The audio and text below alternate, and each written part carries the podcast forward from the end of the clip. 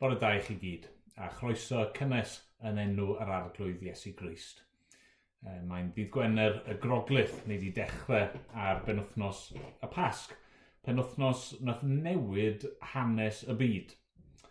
Penwthnos sydd wedi newid bywydau miliynau o bobl dros y canrifoedd. Penwthnos sydd wedi newid fy mywyd i, a e, phob un Cristion arall A fy ngweddi arbennig i y bore yma yw bydd yr hyn ddigwyddodd dros benwthnos y pas cyntaf yma. Y digwyddiadau ni'n mynd i fod yn ei ystyried y bore yma. Uh, a bydden nhw yn newid eich bywyd chi hefyd y penwthnos hon. Fi'n siŵr fod um, be ni'n mynd i ystyried hanes croeshoelio'r arglwydd Iesu Grist yn gyfarwydd iawn i lawer ohono ni. E, falle bod ddim yr un nostalgia ag uh, hanesion yn nadolig, uh, hanes y geni, ond bydd y mwyafrif ohono ni. Fi'n siŵr di clywed y pethau yma, dro ar ôl tro, blwyddyn ar ôl blwyddyn. A felly gael annog chi uh, i geisio nawr i ddod at y pethau hyn a meddwl agored. Uh, gael annog chi i ofyn i ddiw am help i ddeall a pethau hyn. Hyd yn oed os ar hyn o bryd i chi ddim yn credu yn hyw, neu chi ddim yn siŵr beth ych chi'n credu am ddiw, gofynnwch A bydde fe yn siarad â chi. A bydde fe'n agor eich llygad chi i, i ddeall ac uh, i gredu yr hyn sydd ganddo fe i'w ddweud wrthoch chi. A felly fi'n mynd i wyddio nawr, fi'n mynd i gyflwyno uh, ein amser ni i'r arglwydd. Oddew yn tad, a thad yn harglwydd Iesu Grist. I ni yn diolch i ti am yr hyn rydyn ni yn ei nodi ac yn ei ddathlu heddiw, sef y croeshoeliad yr arglwydd Iesu Grist. Ac efallai i rai a hyd yn oed i ni fod yn swnio'n rhyfedd bod ni'n dathlu uh, marwolaeth, yn dathlu rhywun yn cael ei camdrin a'i poenydio yn y ffordd mwyaf erchill fel hyn. Ac eto, dad i ni yn dathlu oherwydd ni'n gwybod mae dyma oedd dy gynllun di. Ac mae dyma y ffordd nath Christ ei hun ei ddewis er mwyn ein achub ni.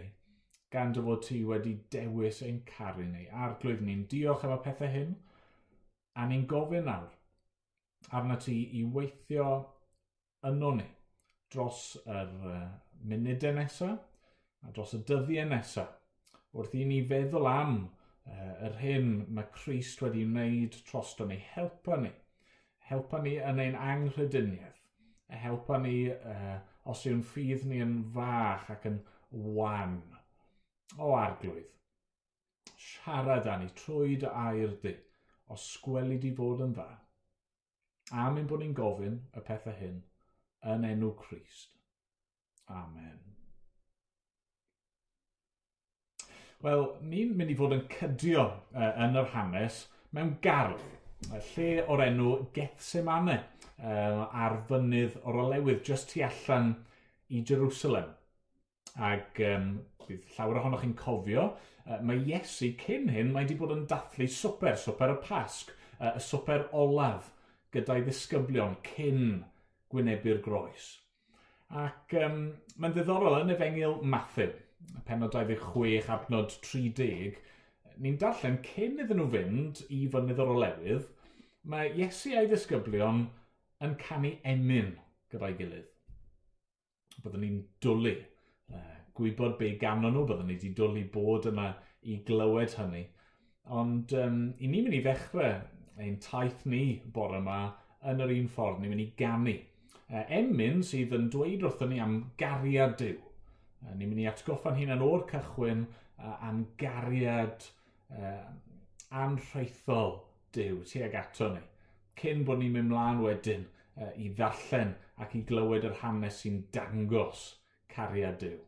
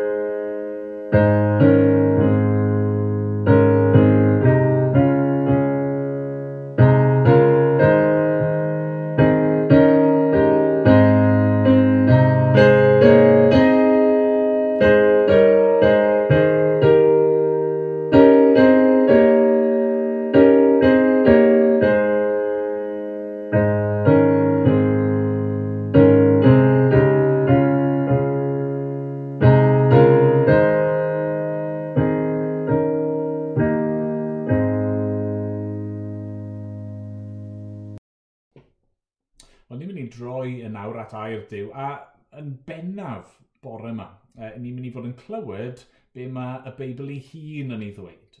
Ac ni'n mynd i fod yn darllen trwy cofnod efengil Marc o beth ddigwyddodd. A be fi eisiau eich annog chi uh, i wneud uh, yw i drio cadw mewn cof trwy'r oedfa fod popeth nath ddigwydd i Iesu yn wirfoddol. Hynny yw nath e ddewis hyn ni wedi clywed lot yn dyn yn y dyddiau diwethaf yma am um, sut mae'r coronavirus uh, ar ryw lefel mae'n ddiduedd. Mae'n gallu effeithio ar unrhyw un, dos yna neb yn saff fel petai. Ond wrth i ni sôn am Iesu, ni'n gorfod cofio o hyd, roedd Iesu yn saff. Roedd e yn fab diw, uh, roedd ganddo fe hawl i uh, aros yn y nefoedd ym mhresenoldeb y tad yn ei ogoniant, doedd e ddim yn gorfod gwynebu unrhyw beth i ni'n mynd i ystyried bore yma, ond nath e ddewis o'i wirfodd i ddod er ein mwyn ni, er mwyn chi a fi.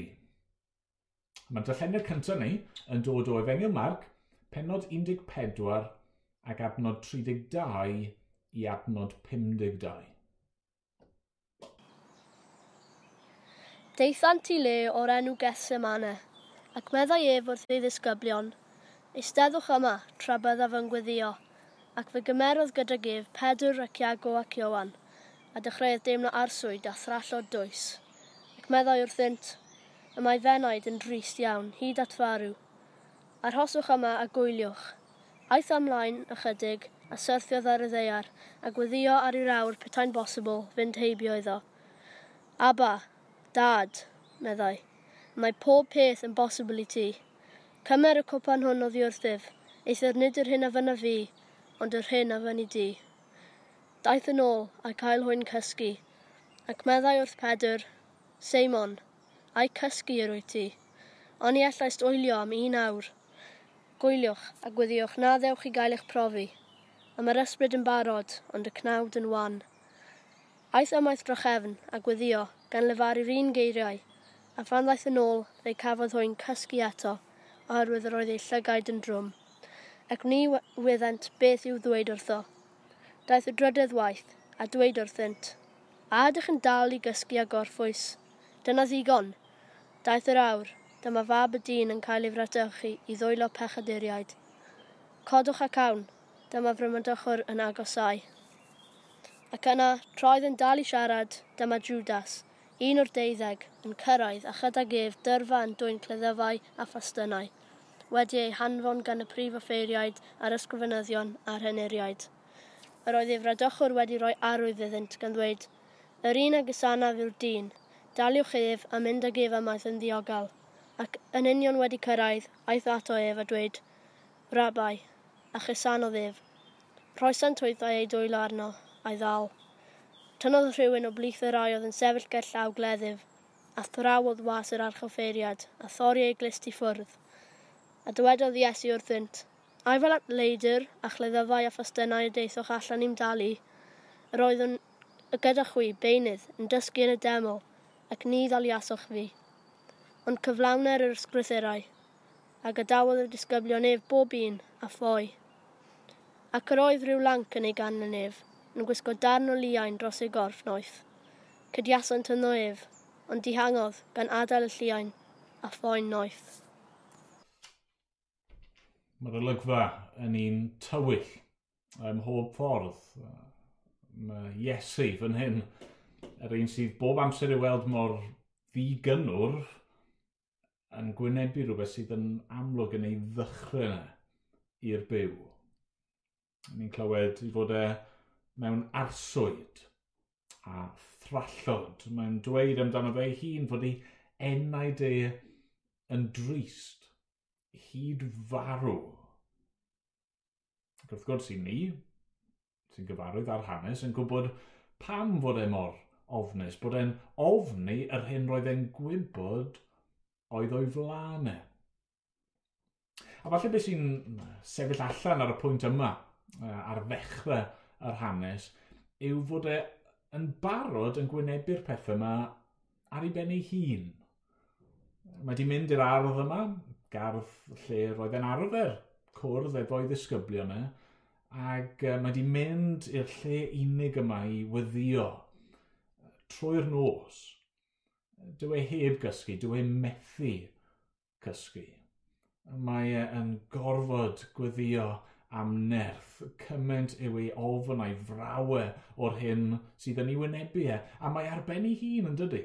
Um, mae'r disgyblion, mae rai ohonyn nhw yn agos ond on mae hyd yn oed nhw yn, yn cysgu. Ni'n clywed fod Judas, un o'r deuddeg, un o'r ffrindiau penna, wedi frydychu a wedi werthu e am arian. Yna pan mae'r dorf a'r milwyr yn dod i'w arestio fe. Mae hyd yn oed y ffrindiau oedd wedi aros gyda fe yn ffoi. Mae nhw'n ei adael e. Pob un, mae e arben ei hunan. A mae hynny'n beth uh, digon dychrynllid yn dydy. Fel pobl, ni wedi'n creu i gael perthynas gydag eraill ond mae dylanwad pechod yn y byd yn dinistrio y perthnasau hynny, a, a falle bod chi'n ymwybodol o hynny ar y foment. Ni mewn cyfnod ond i ni o, o hunan ynysu, ni ar ben ein hunan, a, a falle bod hynny ar eich meddwl chi ar y foment, e, unigedd. E, bod yna neb yna gyda chi, bod yna neb yna i chi. Falle wrth i chi gael cyfle i i feddwl dros eich bywyd chi a meddwl am eich cysylltiadau chi. Falle bod chi'n teimlo, wel, does dim rhyw lawer o berthnasau gennis. lle gen i droi sneb gyda fi rili really, ffonio sneb yn fy ffonio i. Falle bod chi wedi cael eich siomi. Falle bod chi wedi cael eich brydychu hyd yn oed yn y gorffennol gan y rheinioch chi yn ymddiried ynddyn nhw falle mae chi sydd ar fai, falle mae chi yw'r un sydd wedi gwneud y siomi, chi yw y bradwr. Mae Iesu yn gwybod siwr beth yw hi fod yn unig fan hyn. Mae Iesu di dewis dod i wynebu y pethau hyn i gyd. Unigedd, brad, siom. Pam? Wel, er ein mwyn ni. Mae e wedi dod i wynebu'r pethau yma er mwyn cynnig rhywbeth gwell i ni. Mae wedi dod i gynnig perthynas i ni. Mae wedi dod i gynnig ei hun i ni. Mae'n galw ni i fod yn blant i ddew. Mae'n galw ei ddisgyblion yn gyfeillion, yn ffrindiau. Mae'n addo bod gyda ni. Mae'n addo bod yn ffyddlon i ni. Bob awr, bob amser, pob sefyllfa, mae yna rhywun gallwn ni droi ato fe. Mae dechrau'r hanes yn ddigon anodd, yn ddigon tywyll. Ond mae yna waith i ddod, a felly ni'n mynd i barhau i ddarllen nawr yn Marc penod 14, adnodau 53 i 72. Eithant o Iesu ymaith at yr archyffeiriad a daeth y prif offeiriaid oll a'r heniriaid a'r ysgrifenyddion ynghyd. Canlynodd Pedr ef o hirbell, bob cam i mewn i gyntedd yr archoffeiriad, ac yr oedd yn eistedd gyda'r gwasanaethwyr yn ymdwymo wrth y tân. Yr oedd y prif offeiriaid a'r holl Sanhedrin yn ceisio tystiolaeth yn erbyn Iesu i'w roi i farwolaeth, ond y methu cael dim. Oherwydd yr oedd llawer yn rhoi cam dystiolaeth yn ei erbyn, ond nid oedd ei tystiolaeth yn gyson. Cododd rhai a cham dystion ei erbyn – Clywsom ni ef yn dweud, mi fwria fi lawr y deml hon o waith llaw, ac mewn tridiau mi adeilada fi'n arall heb fod o waith llaw. Ond hyd yn oed felly, nid oedd ei tystiolaeth yn gyson. Yna, cododd yr archoffeiriad ar ei draed yn y canol a holodd Iesu. Ond nid atebu ddim, beth am dystiolaeth yr rhain yn derbyn? Parhaodd yn tain fyd, heb ateb dim. Holodd yr archoffeiriad ef drachefn, ac y meddai wrtho, Ai ti yw'r meseia mab y bendigedig? Dywedodd Iesu, my fi yw, ac fe welwch fab y dyn yn eistedd ar ddihilaw'r gallu ac yn dyfod gyda chymylau'r nef. Yna rhwygodd yr archoffeiriad ei ddillad a dweud, Pa rhaid i ni wrth dystion bellach? Clywsawch ei gabledd, sut y barnwch chwi? A'i detfryd gytun arno oedd i fod yn heiddim ar wolaeth a dechreuodd rhai boeri arno a rhoi gorchydd ar ei wyneb a'i gernodio a dweud wrtho, proffwyda, ac ymysododd y gwasanaethwyr arno a dyrnodiau. Yr oedd Pedr i slaw yn y cyntedd. Daeth un o fyrwynion yr archoffeiriad, a phan welodd Pedr yn ymdwymo, edrychodd arno ac meddai. Yr oedd et tithau hefyd gyda'r nasuriad Iesu, ond gwadodd ef a dweud – Nid wyf yn gwybod nac yn deall am beth rwyt ti'n sôn, ac aeth allan i'r pors. Gwelodd y forwynydd, a dechreuodd ddweud wedyn wrth y rhai oedd yn sefyll yn ymyl, y mae hwn yn un ohonynt. Gwadodd yntau drachefn. Ymhen ychydig, dyma rhai oedd yn sefyll yn ymyl yn dweud wrth Pedr, yr wyt yn wir yn un ohonynt, achos gael ei wyt ti. Dechreuodd yntau regu a thyngu, Nid wyf yn adnabod y dyn hwn yr ydych yn sôn amdano, ac yna canodd y ceiliog yr ail waith.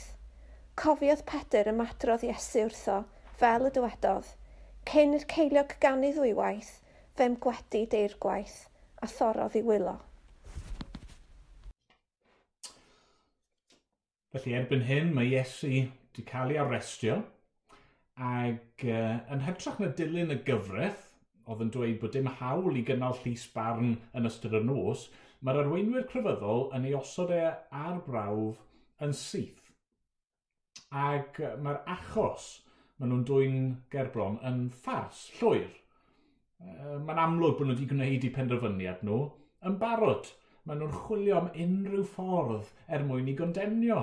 E, maen nhw hyd yn oed yn trefnu bod yna bobl yn dod i ddweud celwydd a chamdystiolaeth. Ac mae hyd yn oed hynny yn methu oherwydd fod Iesu, uh, wrth gwrs, yn ddi bechod, yn ddi eog. Ond meddyliwch am funud am beth sy'n cael ei ddisgrifio fan hyn.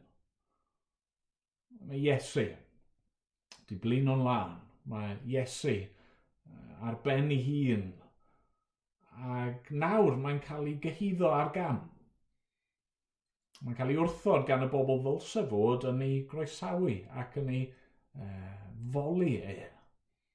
Maen nhw'n ei gondemnio fe, er fod e yn ddieog. A maen nhw'n mynd ati i'w drinau e yn ofnadwy yn ei wawdio fe, yn poeri ar ei benne, yn ei, yn ei daro fe a, a, a gwneud hwyl am ei benne. Wel, mae yna rhywbeth yn o'n i gyd yn does sydd eisiau cael ein derbyn. Byddwn ni'n cysau cael ein trin fel hyn. Ni eisiau i bobl i, i feddwl yn dda uh, ohono ni. Ni eisiau i bobl yn hoffi ni. Ni eisiau bod yn boblogaidd, eisiau bod yn rhan o'r er in crowd. Ni eisiau bod yn y bôn fel pawb arall. Ac um, falle fod hynny yn y gorffennol wedi golygu bod chi yn gwneud pethau chi'n difaru er mwyn i bobl eich derbyn chi, fel ni'n clywed Pedr yn gwneud fan hyn. Pan mae e'n cael ei gyhyddo o fod yn un o ddisgyblion Iesu, mae'n tyngu ac yn rhegu yn, yn teiri, na, sa'i hyn o'n nabod y dyn.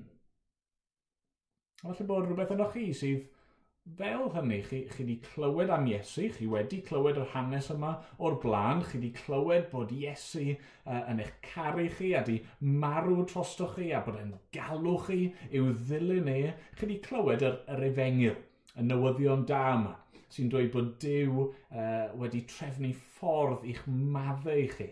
A, a'r cwbl sy'n rhaid i chi wneud yw i gredu yn yr arglwydd Iesu Grist. Ond i chi'n gwybod os i chi'n gwneud hynny, os ych chi yn troi o'ch hen ffordd o fyw ac yn dechrau dilyn Iesu, bod hynny'n mynd i gostio i chi.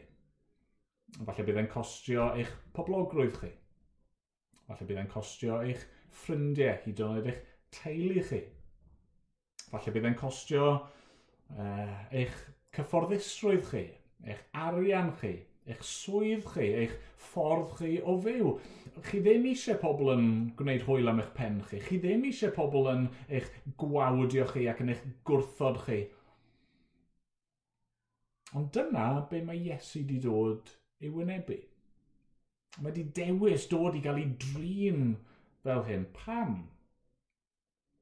Wel, er mwyn i ni gael ein derbyn cael ein derbyn gan ddiw ei hun. Mae wedi dod er mwyn ein cyfiawnhau ni. Doedd Iesu ddim yn heiddi cael ei wrthod fel hyn. I ni yn heiddi cael ein gwrthod gan ddiw, ond mae Iesu wedi dod a mae wedi cymryd y gwarth a'r gwaradwydd yna arno fe ei hun er mwyn i ni gael maddeiant ac er mwyn i ni allu nesau at ddiw a cael ein croesawu gan ddiw a clywed Dyw yn dweud wrthon ni ti yw fy mhlentyn ni, a fi wrth fy modd yno ti.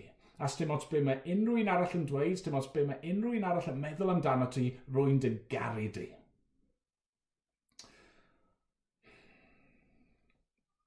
Mae'n anhygoel, ond mae'n wir. Dyma mae Iesu di dod i wynebu er ein mwyn ni.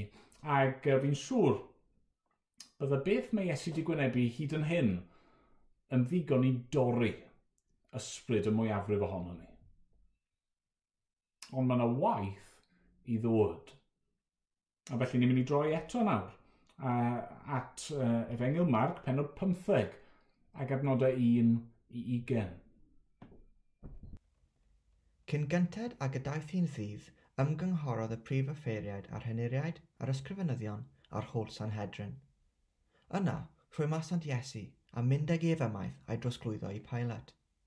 Holodd Pilate ef, a'i ti yw brenin yr iddewon? Atebodd yntau ef, ti sy'n dweud hynny. Ac roedd y prif offeiriaid yn dwy'n llawer o gyhyddiadau yn ei erbyn. Holodd Pilate ef wedyn, ond nid atebu ddim, edrych faint o gyhyddiadau y maent yn ei dwy'n yn derbyn. Ond nid atebodd Iesu ddim mwy, er syndod i Pilate.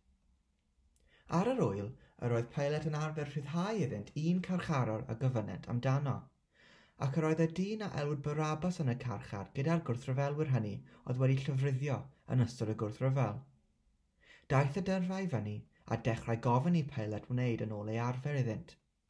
Atebodd peilot hwy, a fynwch i mi ryddhau i chwifrenyn yr iddewon, oherwydd gwyddau mae o genfigen roedd y prif offeiriaid wedi ei draddodi ef ond cyffrodd y prif offeriad y dyrfa i geisio ganddo yn hytrach rhyddhau Barabas iddynt.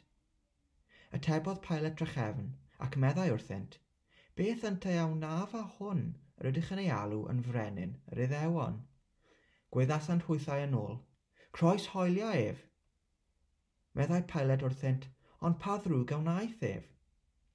Gwyddasant hwythau yn uwch byth, croes hoelio ef, a chan ei fod yn awyddus i fodloni'r dyrfa, rhyddhaodd Pilate Barabas iddynt a thryddododd Iesu ar ôl ei fflangellu i'w groeshoelio. Aeth y milwyr ag efamaeth i mewn i'r cyntedd, hynny yw i'r pretorium, a galw ynghyd yr holl fintau. A gwisgasan def a phorffor, a phlethu coron ddrain a'i gosod am ei ben. A dechreuasant ei gyfarch, henffych well frenin yr ryddewon, curasant ei ben a gwialen, a phoeri arno a phlygu ei gliniau ac ymgrymu iddo. Ac wedi iddynt ei watwar, tynasant y porffor oddi amdano a'i wisgo ef a'i ddillad ei hun. Yna, eithant ag ef allan i'w groes hoelio mae Iesu fan hyn yn dod cam yn nes at y groes. Ac mae'r hyn mae'n ei brofi fan hyn yn, yn ddigon i, i roi hyn llefe i berson mae'n cael ei wrthod gan, nid yn unig ei bobl ei hun, ond gan y byd. Mae'n cael ei gondemnio a'i wawdio yn gyhoeddus. Mae ei gorffau yn cael ei gamdrin yn y ffordd mwyaf creulon. Mae'n cael ei ddefrydu farwolaeth ac nid unrhyw farwolaeth, ond y farwolaeth fwyaf erchill oedd y rhyfeiniad wedi gallu i ddyfeisio. Mae'r woledd oedd yn cael ei gadw ar gyfer y, y gweithaf, ar gyfer y, y, y caethweisio yma, a rheini oedd heb unrhyw statws o gwbl. Mae Iesu yn cael ei ddalan i'r byd fel un eog. A mae yna lot o eogrwydd yn does yn y ran yma o'r hanes Mae'r arweinwyr crefyddol yn eog. Mae Pilate yn eog. Mae'r milwyr rhyfeinig yn eog. A ni'n clywed am yr un yma Barabas sydd yn y carchar. Pam? Mae'n eog. Pob un ohonyn nhw, maen nhw'n gymeriadau gwahanol iawn i'w gilydd mewn cymaint o ffyrdd, ond beth sydd yn cysylltu nhw i gyd yw bod nhw yn eog. Maen nhw i gyd yn ymddwyn a wedi gwneud pethau yn anghywir. Maen nhw i gyd a, a chydwybod sydd yn eu cyhyddo nhw. Maen nhw i gyd fel ni. Mae cydwybod eog yn beth erchill. Falle bod chi yn gyfarwydd ar y teimlad yna, a'r gwacter yna. Yr... Er, uh, ffordd chi'n teimlo'n yn sal, yn sic, yn ddiymadferth. Chi'n meddwl, meddwl, meddwl am y peth ond chi'n methu newid unrhyw beth. Methu cysgu. Pan ych chi'n llwyddo i gysgu, chi'n deffro e, mewn chwys oer. Allai fod yn eitha hyderus, pwy bynnag i chi bore yma, e, o le bynnag i chi'n gwrando, os i ni wedi cwrdd, a'i peidio wrth i fi sôn am euogrwydd a chydwybod, wrth i fi sôn am bethau yn gorffennol ni sydd uh, uh, i ni'n dyfaru, fi'n siŵr fod yna bethau yn dod i'ch meddwl chi yn awr yn does. Pethau i ni'n teimlo cywilydd amdano nhw. Pethau byddwch chi byth, byth eisiau i neb arall wybod ac uh, chi byth eisiau i ddod i'r golwg. Ond dyna sy'n wir amdano ni gyd. Mae rai ohonyn ni'n llwyddo i guddio fe yn well neu uh, na'n gilydd, ond uh, i ni gyd yn eog.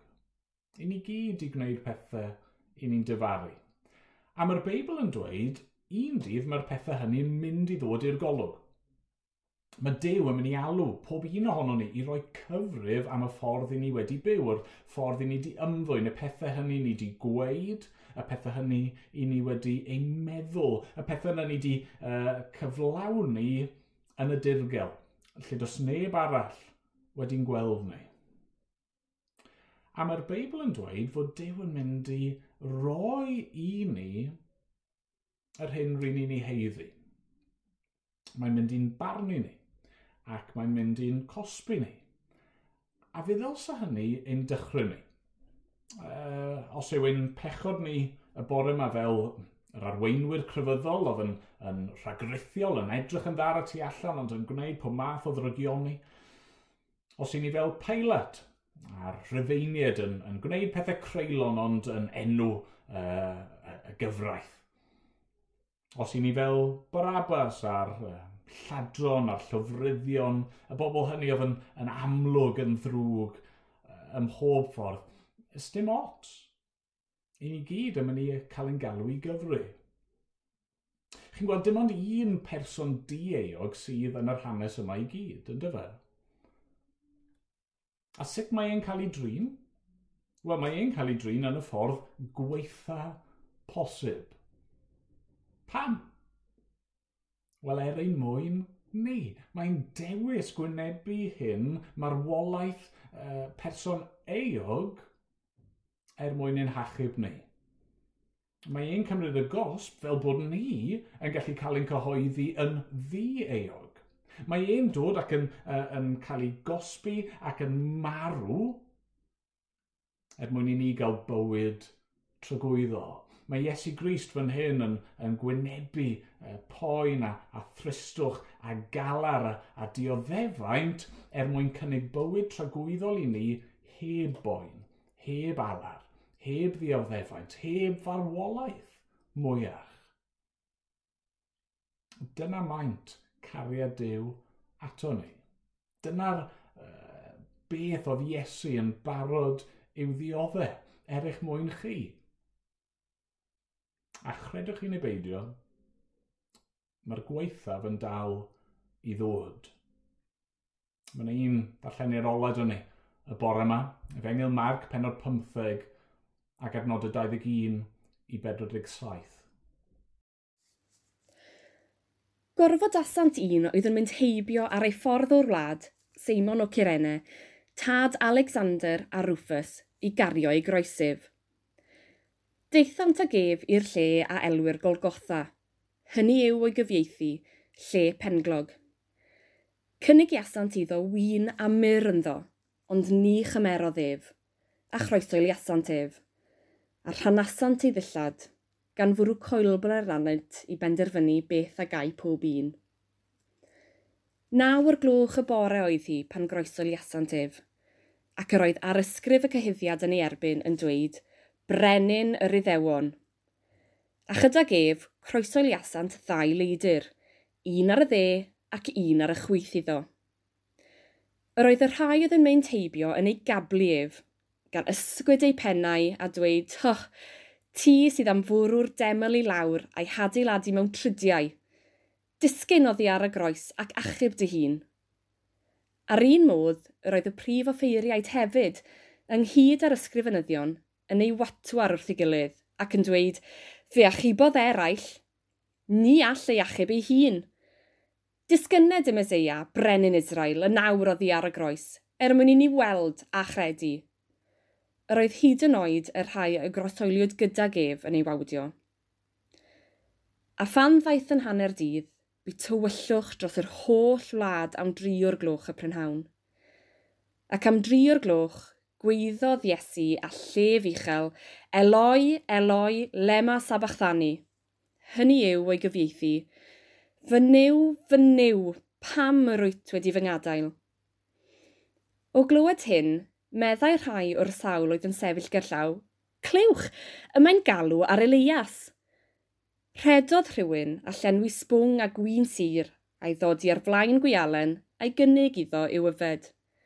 Gadewch i ni weld, meddai, a ddaw y leia sy'w dynnu ef i lawr. Ond rhoes Iesu lef uchel a bu farw.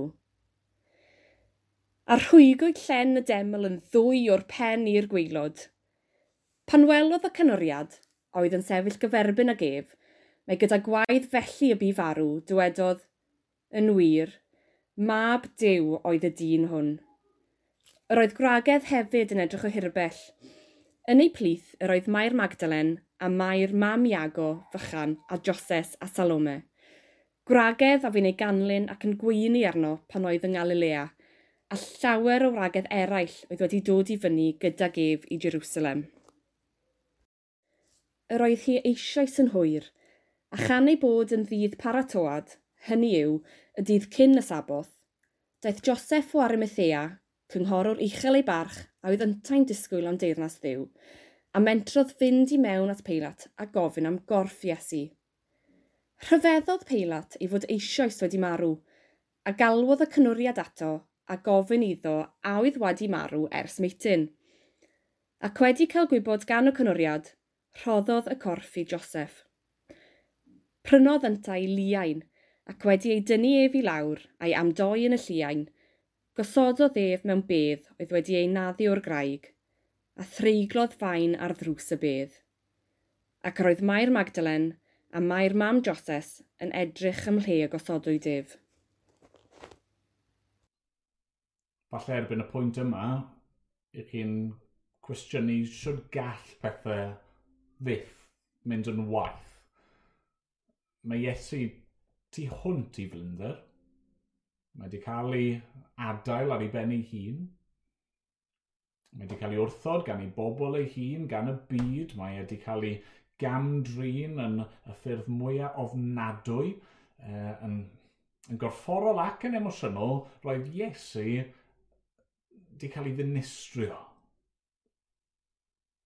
Ond y gwir yw fod y gweithaf yw weld fan hyn – Oherwydd wrth i'r arglwydd Iesu Grist, mab Dyw, yr anwylid, hongian ar y groes, mae'n gweiddi y geiriau hynny.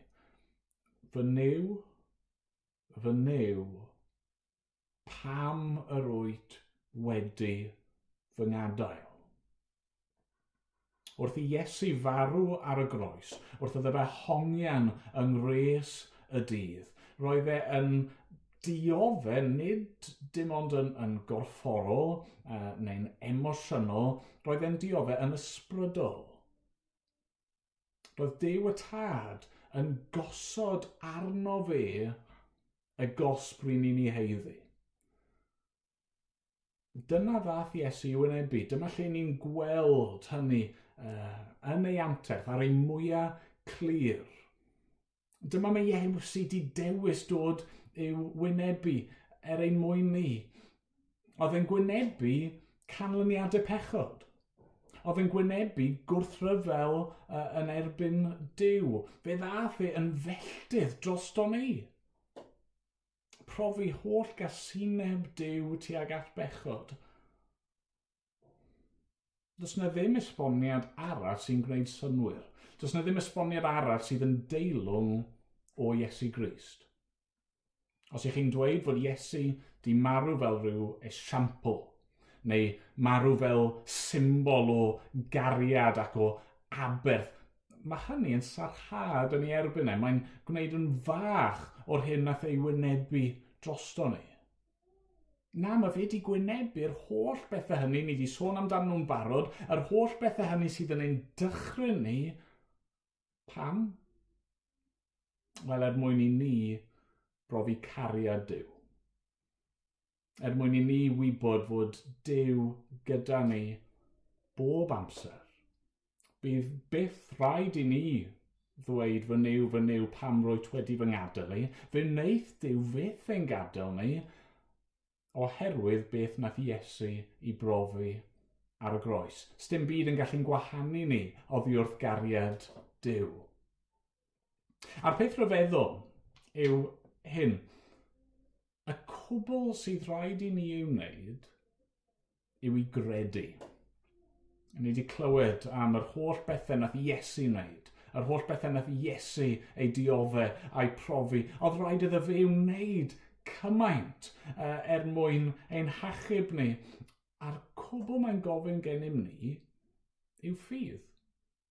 Neu bod ni'n credu, bod ni'n derbyn, bod ni'n dod efo'n dwylo ni yn agored a dweud sdim byd y fi gynnig i ti heblaw am fy mhecho di. O, oh, ma fe i fi.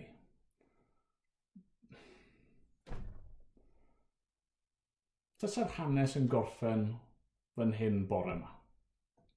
Bydde gennym ni le i gwestiynu wrth gwrs. Pan ddylswn ni gredu hynny? Sut gallai wybod fod y pethau hyn yn wir? Ond wrth gwrs, nid yma ddiwedd yr hanes, efe? Chi'n gwybod hynny. Mae'n rhaid i ni, bore yma, fel y disgyblion aros. Ni gorfod aros tan fore di syl, er mwyn gweld y Crist atgyfodedig. I weld yr un a ddiodde e, wedi dod nôl yn fyw er, er mwyn profi yn dist fod Dyw wedi derbyn ei aberth ei trosto ni ni'n gofal aros amdano ni. Ni ddim yn ei gannu ar ddiwedd yr oedfa fel i ni fel arfer yn gwneud. Ni'n mynd i orffen mewn tawelwch. Ni'n mynd i eh, orffen mewn llonyddwch fel nath Christ ei hun gael ei, or, or, ei osod i orffwys yn y bydd. I ni'n mynd i orfod aros tan fore syl er mwyn canu. Ond sdim rhaid i chi aros i ddod ato fe gallwch chi ddod ato fe yn awr. Gallwch chi ddod yn eich ofn, a'ch unigedd, a'ch cywilydd, a'ch eogrwydd. Gallwch chi ddod ie yn, yn eich angen ger bron Dyw. Gallwch chi ddod a chredu y mab Dyw, y Mesoea. Gallwch chi dderbyn y cwbl mae e wedi ennill trostoch chi Y cwbl sy'n rhaid i chi wneud yw i ofyn ac i gredu yn ddo fe. Dewch ato fe. Dewch ato fe yn awr. Wel, i fi mynd i weddio i orffen uh, ein oedfa ni. Ond, uh, please, please, uh, ymunwch â ni eto ar fore syl pan gawn ni gannu gyda'n gilydd. Uh, mawl i'r Christ atgyfodedig. Nawr ni weddio. o arglwydd ein diw. I ni'n diolch i ti am y cwbl ni wedi glywed. Yn diolch i ti am y cwbl roedd Iesu yn barod i wynebu er mwyn rhai fel ni. Ac yn ni'n gofyn nawr wneud di'n helpu ni, bob un, i dderbyn y rhodd yma ac i gredu yn enw yr arglwydd Iesu Grist. Arglwydd ro ffydd i ni beth bynnag yw ein gorffennol ni, beth bynnag i ni wedi wneud, a'i ddweud, a'i feddwl, faint bynnag i ni wedi dy wrthodi o'r blaen. O arglwydd, helpa ni i ddod yn awr ac i roi'n hunan i ti, i droi o'n hen ffordd o fyw ac i ddilyn yr arglwydd Iesu Grist. Da derbyn ni nawr yn ddiolchgar, madde pob bai, Amen bod ni'n dod yn enw Iesu. Amen.